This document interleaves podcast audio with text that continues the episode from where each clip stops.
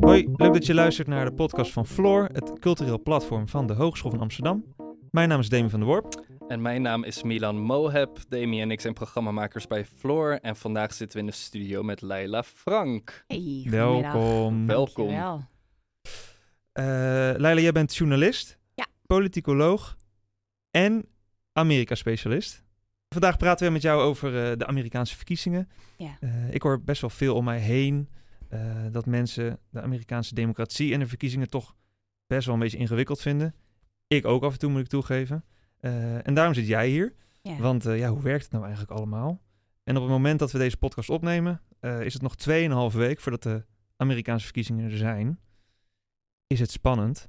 Het is hartstikke spannend. Ja, nee, absoluut. Het kan echt nog alle kanten op. En ehm, eh, ja, nee, dus het is hartstikke spannend. En ik bedoel, wij zien natuurlijk vooral heel veel berichten nu over de president en hij had corona. En als je de peilingen volgt, dan, dan zou Biden het moeten winnen. Maar ja, zo werkt het gewoon niet. En eh, ik ben er net ook weer tien weken geweest. En je verzamelt toch heel veel indrukken. En er is toch heel veel enthousiasme voor de president ook. Dus het kan echt alle kanten op. Heel spannend. En destijds had je natuurlijk met de peilingen ook dat eh, Clinton voor stond. Maar ja, toen kregen we ook de verrassing van de eeuw. Ja, en, ehm, en dat blijft natuurlijk spannend. Niem en ik denk dat dat deze verkiezingen eh, ook wel beïnvloedt. Het is heel ongrijpbaar en niemand weet eigenlijk echt meer waar die nou op of af, of op af moet gaan. En iedereen is heel erg strategie aan het spelen, een kiezersgroep dit en dat. Maar er gebeurt ook door die pandemie heel erg veel achter de schermen, letterlijk, waar we niet bij kunnen.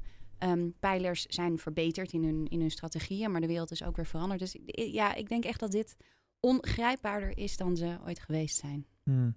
Ja, je zegt peilingen, zeg je. En eigenlijk hebben we het maar te maken met twee pijlers, om het zo maar te zeggen, toch? Want eh, als soort van eerste dummy-vraag, hoeveel partijen zijn er eigenlijk in Amerika? Want wij hebben hier natuurlijk een stelsel in Nederland waar je op, ik weet eigenlijk niet hoeveel partijen je kan stemmen, maar... Bijna eindig. 17 meestal zo ongeveer. Ja, en ik heb Ja. het idee dat er maar twee zijn in, in Amerika. Klopt dat? Het zijn de twee grootste partijen. Ehm, en dat zijn ook de partijen die echt de politieke macht in de handen hebben in het congres en in de senaat, zeg maar, het Den Haag van, eh, van Amerika. Ehm, dus dat zijn echt de grote institutionele partijen. De Republikeinse partij, waar Trump nu de kandidaat voor is, en de Democratische partij, waar Biden de eh, kandidaat voor is. Maar er zijn nog meer partijen. Eh, je hebt er eigenlijk vooral drie. Dus de Groenen. Je hebt ook een groene partij in eh, Amerika. Je hebt de Libertairen. Die zijn, zijn eigenlijk helemaal tegen de overheid, zijn helemaal aan de rechterkant.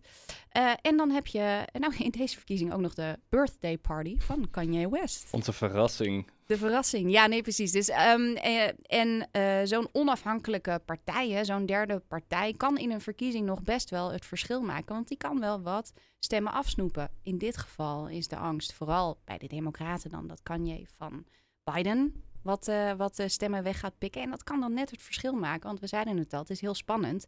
En het gaat echt om hele kleine marges. En ja, dus maar hè, twee grote partijen, twee partijen die wij heel erg veel zien, die echt de macht hebben, die in het congres zitten, die in de senaat zitten, die eigenlijk aan de touwtjes trekken. Je kan dus eigenlijk gewoon als burger heb je, heb je dus keuze uit nu zeg vier partijen, zeg je? Of, vijf? Nou, dan werkt het. Hè, dit, er zijn er dus in principe ongeveer vijf. Maar voor deze verkiezingen staan er in, bij, in de meeste staten maar twee op je stembiljet: de Democraten en de Republikeinen. Want dat is een heel proces om op het stembiljet te komen. Moet je weer al heel veel handtekeningen hebben enzovoort. En Kanye West met zijn partij staat. Op een paar staten staat hij ook nog op dat stembiljet. Maar bijvoorbeeld niet in eh, Florida of niet in Pennsylvania, van die staten waar het heel spannend is. Maar wel in eh, Iowa, geloof ik, of Ohio. Ik haal ze af en toe door elkaar. Maar het betekent dan toch dat er wel mensen hebben gestemd op Kanye West. Dat die, Zeker, eh, ik ben ze ook wel tegengekomen. En hoe ging dat? Wat voor mensen waren dat? Dat zijn vaak kiezers die teleurgesteld zijn in eh, het Amerikaanse politieke systeem. En die zich eigenlijk niet herkennen, nog in de Democraten, nog in de Republikeinen. Het zijn vaak jonge stemmers. Eh, ik herinner me heel goed een, meisje van eh, 21. ehm, eh, en zij zei. Ik baal ervan dat ik gedwongen word door die stomme Joe Biden en door die stomme Democratische Partij. Dat ik omdat ik me daar niet in herken, omdat ze niet echt racisme aanpakken, omdat ze toch bij de, hè, voor de rijken kiezen en niet voor de arme mensen. Ik zeg het een beetje gechargeerd. Dat ik toch gedwongen word om een vuist te maken en om een, een, een signaal af te geven. En dat doe ik door niet op hen te stemmen, maar toch op een derde partij. En in dit geval was het Kanye, want ze vond zijn muziek wel leuk. En is er dan niet een eh, gevaar, wel met de vorige verkiezing had je natuurlijk dat heel veel mensen eigenlijk niet op Hillary Clinton wilden stemmen. Eh, hebben ze daar dan niet een lesje van geleerd als ze dan zien wat er gebeurt als je dan, als je dan toch niet stemt of toch niet op de tegenpartij van Trump stemt? Ja, dat is altijd de grote vraag. Ehm, ehm, en ik ben even aan het bedenken. Kijk, je moet je voorstellen, hè, de Amerikaanse democratie is niet een democratie zoals wij die kennen. Het is bijvoorbeeld niet zo dat elke stem gelijk telt. Of dat elke stem überhaupt telt. Ehm, en wat ik heel veel zie in Amerika is dat mensen heel erg teleurgesteld zijn in hun politieke systeem. De invloed van geld is daar bijvoorbeeld heel erg groot. Het maakt uit op welke plek in het land je woont, of je stem überhaupt telt. Kunnen we het misschien zo meteen nog even over hebben. Um, um, uh, wat er bijvoorbeeld ook gebeurt in Amerika, is dat mensen die de macht hebben, de mensen die de wetten uh, schrijven, die kunnen de grenzen van een kiesdistrict tekenen. Um, dus die bepalen eigenlijk, je hebt de macht en als je dan de grens tekent hè, van een kiesdistrict, dan zeg je nou, als we nou een kilometer naar rechts gaan, daar zit de Hogeschool van Amsterdam, daar zitten heel veel jonge mensen, die stemmen denk ik democratisch, die teken ik erbij. Ik ben dan een democratische machthebber. En zo kan je zo'n kiesdistrict precies zo tekenen dat voor jou de goede kiezers daarin komen en zo hou je de macht. Dus dat is één van die voorbeelden uh, die laat zien waarom die democratie anders werkt en waarom heel veel mensen zich ook helemaal niet herkend voelen. Hè? Dus wij kijken ook naar Amerika alsof het één groot democratisch feest is. Maar 40% van de Amerikanen stemt helemaal niet. Dat is, als je daarover nadenkt, ontzettend veel en maar... bizar voor zo'n groot Amerikaans land. Even terugkomend op jouw vraag: hè, van, um, hebben mensen dan niks geleerd van als je niet stemt en krijgt, kijk, kijk dan wat je daarvoor terugkrijgt?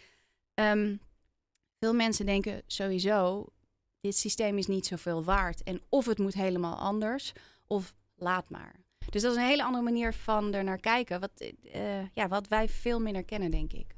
Ja, want kan je dan eigenlijk wel zeggen dat, dat de democratie werkt, werkt die daar eigenlijk wel? Nou, het is dus een heel, het is een democratie, maar een hele andere dan die wij kennen. En misschien is het wel goed om even helemaal naar de basis te gaan. Namelijk, hè, eh, in Amerika is het een winner takes all systeem. Dus wij, als wij verkiezingen hebben in Nederland, dan gaat het erom dat je de meerderheid van de stemmen krijgt. En in Amerika gaat het er niet om dat je alle stemmen op één hoop gooit en degene die de meeste heeft, die wint. Um, en dat komt omdat ze niet direct president kiezen, maar er zit een laagje tussen. De kiezers kiezen de kiesmannen en de kiesmannen die kiezen de president. Nou, hoe zit dat dan met die kiesmannen? Die worden verdeeld over de staten en uh, hoe meer mensen er in een staat wonen, hoe meer kiesmannen. Stel, Californië heeft er 55 en bijvoorbeeld Alaska heeft er drie. Um, en als Amerikaanse presidentskandidaat wil je niet zoveel mogelijk stemmen winnen, maar je wil de helft van de kiesmannen winnen. Het zijn er 538 in totaal, dus 270 kiesmannen. Als je die hebt, dan word je president. Nou, dan ga je dus kijken naar de staten waar de meeste kiesmannen te halen zijn. En die kiesmannen die win je door een winner-takes-all systeem. Dus niet door, hè, jij krijgt 70% en jij krijgt 30%. Maar als je 51% van de stemmen hebt in die staat, krijg je alle kiesmannen. En zo kan het dus ook dat Hillary Clinton wel 3 miljoen meer stemmen had dan Donald Trump. Maar Trump had meer kiesmannen en dus werd hij president. Um, dus de basis van het systeem in Amerika is een winner-takes-all systeem. En dat maakt dus ook dat op heel veel plekken, stel ik ben een democraat, ik woon in Californië, wonen er heel erg veel van. Ja, ik kan net zo goed niet gaan stemmen, want die 55 kiesmannen gaan toch wel naar, uh, hoe heet het? Of nee, als ik republikein ben, maakt het eigenlijk niet uit. Ik woon in, in Californië en daarvan weet je van tevoren al die 55 kiesmannen gaan naar Biden, die gaan naar de Democraten. Waarom zou ik in hemelsnaam stemmen voor een president als ik republikein ben daar? Het heeft toch geen zin. Dat idee. Dus nou weet ik eigenlijk helemaal niet meer wat de vraag was. Dat maakt niet uit, maar het antwoord was wel heel goed. Oké, goed zo. ja, het is ik... heel anders. Oh, jouw vraag was, kan je het wel een democratie noemen? Ja, werkt het wel? Um, Want ik kan me voor, als je zegt van nou, ik ben een republikein in, in Californië, het voorbeeld wat je net geeft. Ja, dan heeft het dus geen zin om te stemmen, zeg je. En, voor de president niet, maar je moet je voorstellen, want ik kijk heel erg naar die presidentsverkiezingen. Uh, er wordt ook gestemd voor de Senaat, zeg maar voor de Eerste Kamer. Er wordt gestemd voor het Congres, de Tweede Kamer. Er wordt gestemd voor lokale politici. Er wordt ik bedoel, Amerika stemt ongeveer elke dag uh, voor de brandweerman, voor de politieagent, voor de school, het schoolbestuur. Er wordt heel veel verkozen in Amerika. Dus daarvoor maakt het uit. Maar in dit geval voor die president, voor die presidentsverkiezingen maakt het niet uit. Ja.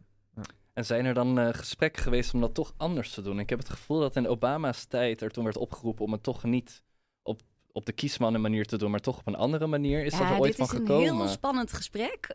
Um, dat wordt al heel lang gevoerd en uiteindelijk zet niemand het door, omdat er te veel belangen in het spel zijn. Um, en, uh, dus, en dit, dit is eigenlijk, sommige mensen zien dit als een soort weeffout in de oprichting van eh, van het Amerikaanse systeem en in die grondwet. Nee, kan je een hele podcast over vullen. Ehm, eh, maar het feit is dat het nu zo werkt, dat dat ook maakt dat bijvoorbeeld eh, kleinere staten in het midden van Amerika ook nog invloed hebben. Hè? Want wij hebben het nu over de presidentsverkiezingen, maar bijvoorbeeld elke staat heeft twee senatoren. Dus hoe klein je ook bent of hoe groot je ook bent, je hebt evenveel vertegenwoordiging in die hele belangrijke Eerste Kamer van Amerika. Um, eh, en als je het helemaal zou opheven, dat, dat kiesmannensysteem, dan betekent het wel dat die mensen die in zo'n kleine staat wonen, die echt een heel ander leven leiden dan de mensen in de grote steden bijvoorbeeld. Dat zijn boeren, die hebben echt andere belangen. Die, ja, dan wordt dat belang bijna helemaal weggevaagd. Dus het is ook een heel. Het is natuurlijk. Amerika is zo groot als Europa. Het is alsof je. Eh, wij denken dat het één land is, maar het zijn eigenlijk 50 landen.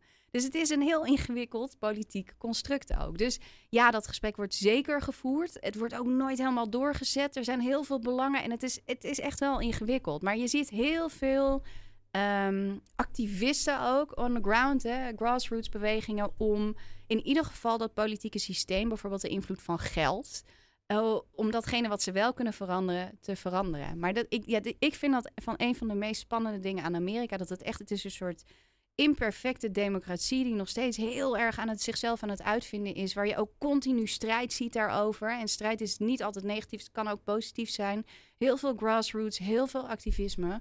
Uh, en heel veel daarvan gaat op dit moment ook over hoe zit onze democratie in elkaar. Ja, één ding wat je ook nu veel hoort, en voor, volgens mij vorige week was er nog een uh, uh, zo'n debat tussen de running mates. Ja. Hè, wat is hun, hun rol ten eerste? En, en want wij hebben in Nederland geen equivalent ervan, volgens mij. Nee, ja, je hebt de nummer twee op de lijst. Maar bij ons gaat het eigenlijk altijd wel over de lijsttrekkers. Ja, ehm, de rol van een running mate, dus van een vicepresidentskandidaat, is eigenlijk geen fouten maken. En uh, uh, de ander aanvallen, zeg maar de baas van jouw collega aanvallen en je eigen baas verdedigen. Heel, heel plat gezegd is dat het. Het is ook gewoon iemand die uh, extra handjes is. Hè? Want zo'n campagne is normaal gesproken in niet-coronatijd loeizwaar werk.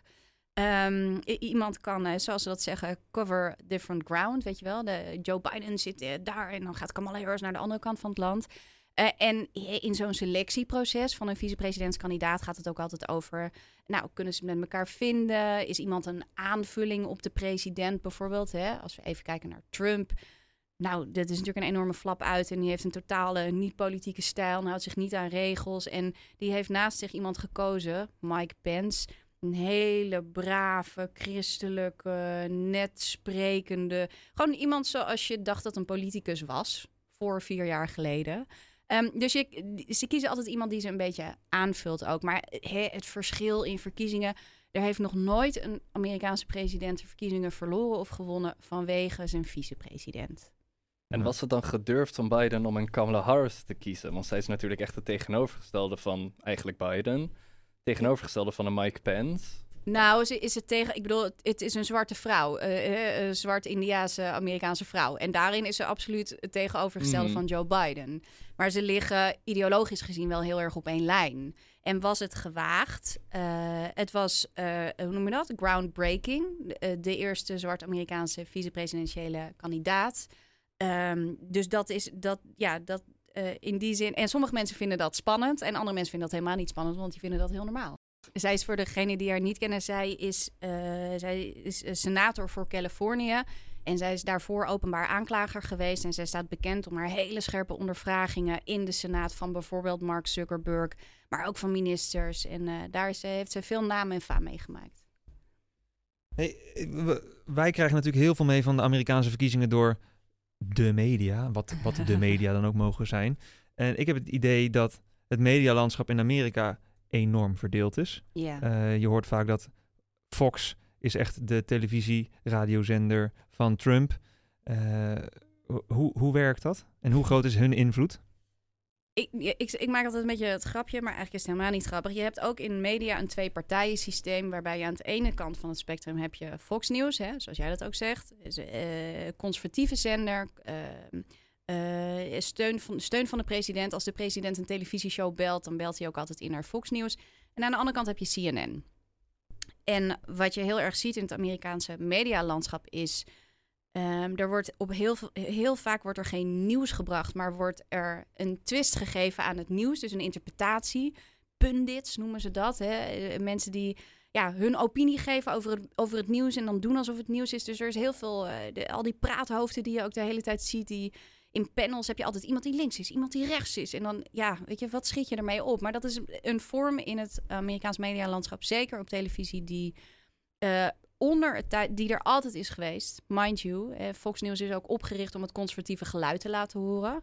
Ehm, eh, maar zeker, de- en, en er wordt ook goede journalistiek bedreven. Maar er zitten heel veel praatshows, meningenjournalistiek. En Ehm, hebben die veel invloed? en die hebben, oh ja, dat is goed dat je het zegt. Ja, die hebben ontzettend veel invloed. Ehm, Fox News is de allerbest bekeken kabelzender in Amerika. Die heeft een enorm bereik. En eh, wij denken nog, hè, dan heb je het over het klassieke bereik. Namelijk, je, je zet de televisie aan en je kijkt. Maar de sociale mediakanalen van zowel Fox als, als van CNN overigens, die worden ontzettend veel bekeken. Ehm, en dat zijn gewoon hele belangrijke spreekbuizen. Ehm, tegelijkertijd sociale media. Dus dat is echt het klassieke medialandschap. Hè? En je ziet ook een vertekening in, eh, in, het, in de print. Dus in, ik weet niet of iemand die hier naar luistert nog wel eens een krant leest. Maar je hebt hele mooie grote kranten, eh, echte instituten in, eh, in Amerika. Ehm, eh, die worden ook langs die meetlat gelegd vaak. En ik vind het jammer, want er wordt ook gewoon aan beide kanten echt ontzettend goede journalistiek bedreven. En er is niemand meer die dan gewoon zegt: Jeetje, aan de rechterkant, wat een goed stuk van de New York Times. Of iemand die in de New York Times zegt: Jeetje, dat heeft Fox News echt goed gedaan. Terwijl het gebeurt gewoon, weet je wel. Dus dat, nou ja, dat is ook de pest. Mensen willen niet meer naar elkaar luisteren en zitten heel erg vast in hun eigen groef. Dat zie je in het politieke landschap, je ziet het in het medialandschap. En je ziet het gewoon eh, bij kiezers. En ja, sociale media, ehm, dat zijn natuurlijk, ja, jeetje, daar kan je denk ik een hele dag over hebben. Maar eh, die versterken die bubbels heel erg, als ik het even heel erg plat sla. Ja, En, dat doen ze ehm, sowieso natuurlijk. dat doen ze al. sowieso en dat doen ze ook als het over politieke nieuws gaat. En ik, ik ben bezig met een verhaal over generatie Z, Gen Z en mensen die voor het eerst mogen stemmen. 80% van de jongeren in Amerika van die generatie haalt hun nieuws van sociale media. Daar schrok ik eerlijk gezegd nogal van. Ehm, want wat consumeer je dan? En volgens welk algoritme? En is het eigenlijk wel nieuws? Ehm, dus het is ook een heel spannend landschap op dit moment. Eh, en ik weet niet zo heel erg goed waar dat heen gaat eigenlijk. Ja. Ja, en Ja. qua jongeren heb je natuurlijk ook de, de programma's die ik vroeger keek, die het eigenlijk nooit over politiek hadden. De Tonight Show, The Daily Show, eh, Late Night Show. Ja, Allemaal de satire programma's allemaal. wat Ja, altijd eigenlijk gewoon met celebrities was en andere sprekers gaat. Nu eigenlijk zie ik 40 minuten ja. Trump bashen Ja, en dan nog een soort van 10 minuten ander nieuws. ja. ja, Eh, ik kijk dus eerlijk gezegd ook nooit meer naar... eh, ik bedoel, ik, ik vond ze altijd heel erg leuk, maar het is same old, same old, same old. Het is herhaling, herhaling, herhaling. Op een gegeven moment ben ik er wel klaar mee. En zijn, eh, zijn de Amerikaanse burgers er dan ook niet klaar mee? Want wij vinden het hier in Nederland vaak maar een beetje een opgeblazen circus of zo. eh, en we vinden het, of het is heel nep en allemaal gerepeteerd enzovoorts. V- Vinden Amerikaanse kijkers dat dan ook niet? Heb je het echt over het nieuws of over gewoon de hele verkiezing? Ja, het nieuws, als je denk ik Fox kijkt en je bent democraat, dan denk je, nou, dit is allemaal vooringestudeerd. Dit is sowieso een andere interpretatie van de feiten. En, eh, Maar Maar ja, hier gaat het dus al mis. Democraten kijken niet naar Fox News. Dus Nee. die, die kijken naar hun eigen zenders. En kijk, wij kijken denk ik heel vaak naar Amerika ook als een grote show en weirdo's. En het is allemaal overdreven en how are you en nou, dat. Maar het is een hele andere cultuur. Dus voor Amerikanen is dit ook wat ze kennen. Bovendien, ze kennen maar twee partijen. En als je twee partijen hebt, heb je maar één vijand. Dus eh, dan creëer je ook sneller een vijandbeeld. In Nederland moet je je zeggen 16 partijen afzetten. Een stuk ingewikkelder.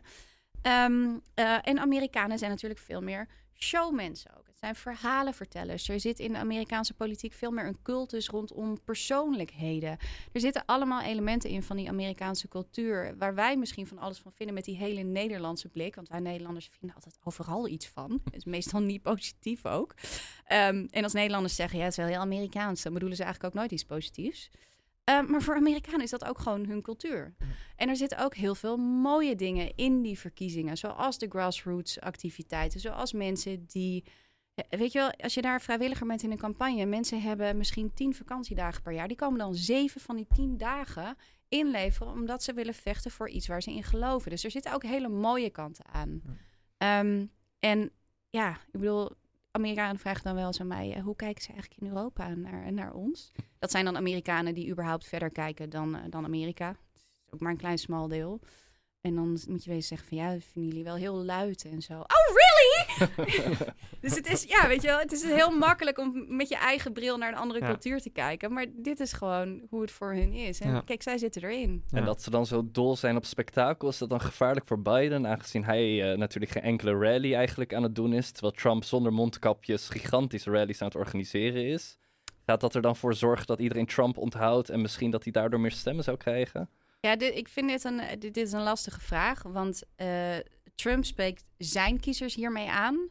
En Biden heeft een hele andere strategie waarmee hij een hele andere kiezersgroep eh, wil aanspreken. En kijk, in campagnes, kijk, iedereen in de wereld mist op dit moment sociaal contact. Ehm, e- en, dat geldt ook voor stemmers en kiezers. En die pandemie duurt inmiddels zo lang dat mensen daar ook een beetje aan gewend zijn. Dus mensen zijn gewend aan een leven met corona op de een of andere manier. Ehm, i- i- de hamvraag voor de Biden-campagne is inderdaad: is dit een goede strategie? Ehm, want hij, stuur, hij zendt natuurlijk een hele andere boodschap uit, boodschap uit dan de president die een andere kiezersgroep aanspreekt. En, en dat zal echt, echt moeten blijken. Onder normale omstandigheden, als er geen pandemie was geweest, was dit voor Biden natuurlijk eh, losing. Dan had hij sowieso verloren. En wie Maar denk ja. je nu? Heb jij een gevoel?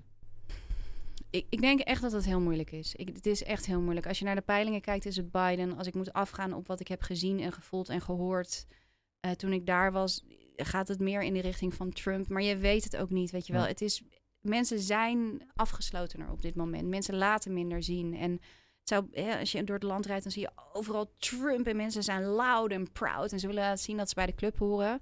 En Trump had het altijd over de silent majority. Maar het zou best wel kunnen dat de stille meerderheid dit keer bij Biden zit. En die zijn er niet luid over, omdat ze er echt niet trots op zijn. En Biden eigenlijk een afschuwelijke kandidaat vinden. Maar ja, alles beter dan Trump. Ik denk dat dit een mooie is om, eh, om af te sluiten. Ehm Leila, Frank, ik wil je heel erg bedanken voor je komst hier Ja, naar de heel studio. graag gedaan. En, eh, thanks for having me, zeggen ze dan in Amerika. Ja, ja, wow, no problem.